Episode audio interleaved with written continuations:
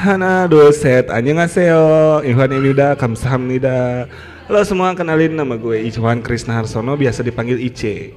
Kenapa gue dipanggil Ice? Karena nama gue tuh Ikhwan Jadi uh, tulisannya tuh I C H A N. Jadi diambil depannya jadi I C nya aja.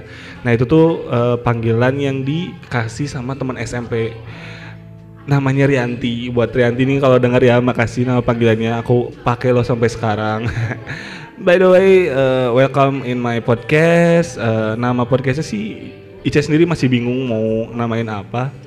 Kalau nggak Ice Podcast, paling Ice Podcast. Nah, buat kalian yang punya saran boleh dong uh, komentar nih ke saya pribadi maunya bagusnya apa. Oke nih, uh, oh iya kesibukan Ice ini sekarang kerja aja, kerja sebagai admin online shop terus Ice sekarang ikutan uh, dance cover aja sih.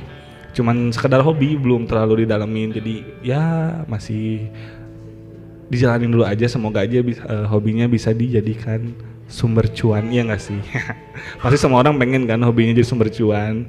Nah btw nih uh, Ice uh, di podcast ini bakal membahas tentang K-pop. Kenapa Ice mau bahas tentang K-pop?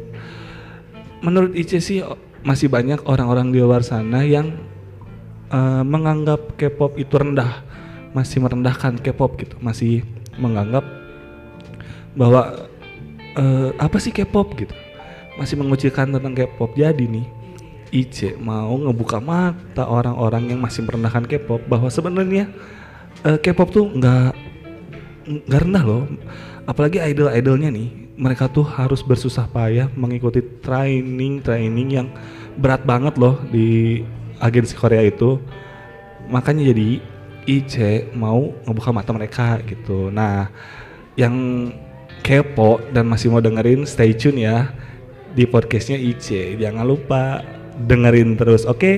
kamsahamnida